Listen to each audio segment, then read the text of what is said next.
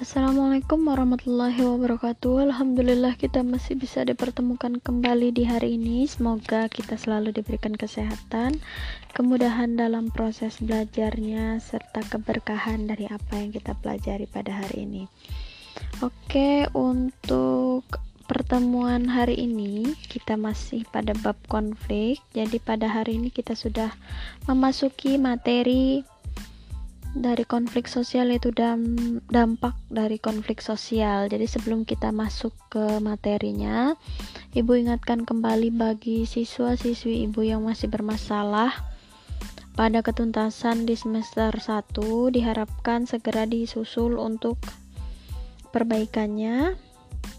Oke, itu saja untuk uh, sekilas infonya. Kemudian kita langsung masuk saja ke uh, materi kita yaitu tujuan pembelajaran terlebih dahulu. Jadi setelah mempelajari materi ini, siswa diharapkan mampu menjelaskan dampak konflik dengan benar. Jadi untuk materi intinya pada pembelajaran hari ini kita akan mempelajari pertama dampak positif dari konflik, yang kedua itu dampak negatif daripada konflik. Jadi, konflik yang terjadi di dalam masyarakat ini dapat ber, berakibat positif, jadi tidak selalu negatif juga ya, tetapi juga uh, jadi konflik sosial yang ada di masyarakat ini dapat juga berakibat positif, tidak hanya berakibat negatif.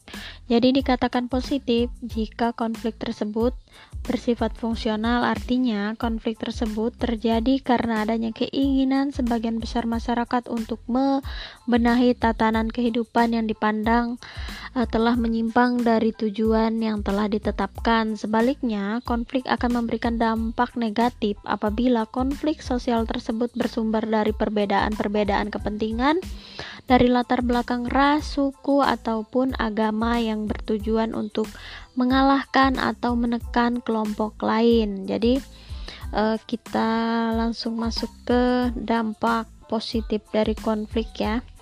Jadi di sini untuk dan dampak positif dari konflik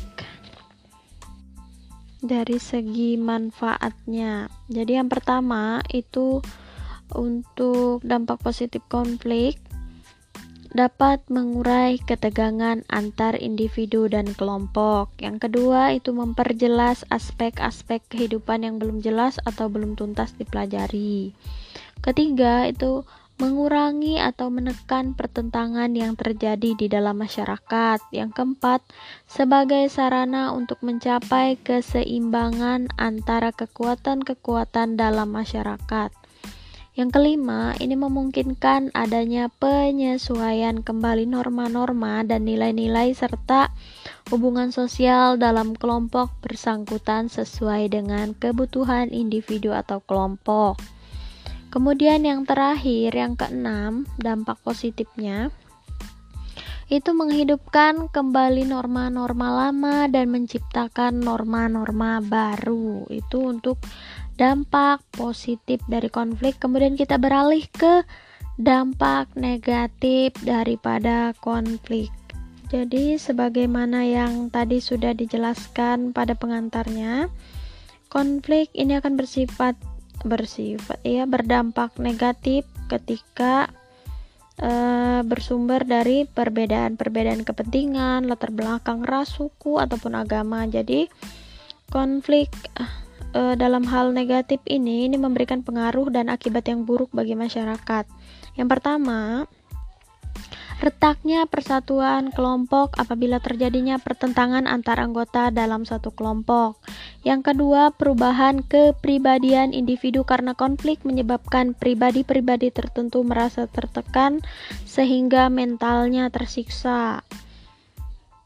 Eh, yang ketiga, ini terjadi akomodasi, dominasi, bahkan takluknya salah satu pihak apabila pihak-pihak yang berkonflik tidak seimbang sehingga menyebabkan dominasi oleh satu pihak terhadap pihak lawannya dan pihak yang kalah akan merasa takluk. Kemudian yang keempat, ini meningkatkan solidaritas sesama anggota kelompok dalam hal in-group solidarity yang sedang mengalami konflik dengan kelompok lain. Yang kelima itu hancurnya harta benda dan jatuhnya korban manusia. Jadi itu ya, ada dampak positif, ada dampak negatif untuk dampak konflik. Oke, itu untuk materi kita pada pertemuan ini sehubungan dengan dan dampak daripada konflik. Ada dua tadi, dampak positif dan dampak negatif. Jika ada yang ingin ditanyakan, silahkan nanti ditanyakan di grup WhatsApp-nya. Kemudian untuk tugasnya nanti ibu akan uh, suruh kalian menganalisa uh, dampak konflik yang terjadi. Nanti ibu akan kirimkan link untuk analisanya.